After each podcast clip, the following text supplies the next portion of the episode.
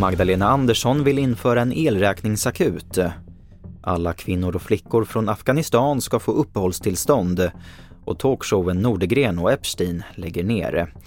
Det är rubrikerna i TV4-nyheterna som börjar med att Socialdemokraternas ledare Magdalena Andersson vill införa en så kallad elräkningsakut. Det här rapporterar Aftonbladet. Den ska säkras så att de som behöver ska kunna få en avbetalning eller skjuta upp sin betalning till dess att elprisstödet är på plats. Det handlar om att stötta barnfamiljer, pensionärer genom den här tuffa vintern, men också alla de företagare som eh, förbrukar mycket el och som kommer få elräkningar som kan vara väldigt svårt att få ihop likviditet för att betala. Efter ryska robotattacker under måndagen har flera ukrainska regioner, däribland Kiev och Odessa, drabbats av strömavbrott. Likt tidigare har attackerna riktats mot civil infrastruktur och elförsörjning.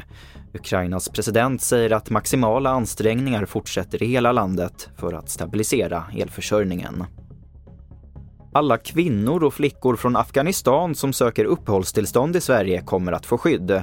Det här meddelar Migrationsverket. Carl Bexelius är rättschef på Migrationsverket. Ja, Migrationsverket har ju redan tidigare identifierat kvinnor och flickor som en utsatt grupp vilket har lett till att ungefär 9 av 10 eh, kvinnor och flickor har beviljats uppehållstillstånd.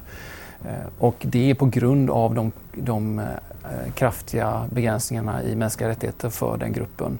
Nu ser vi ytterligare eh, försämringar eh, och inskränkningar i kombination med att det finns ingen tendens framåt som visar på någon form av lättnad. Och det gör att vi nu har kommit till ett läge där eh, begränsningen och inskränkningen av de mänskliga rättigheterna för kvinnor och flickor är så allvarlig så att det i sig innebär förföljelse.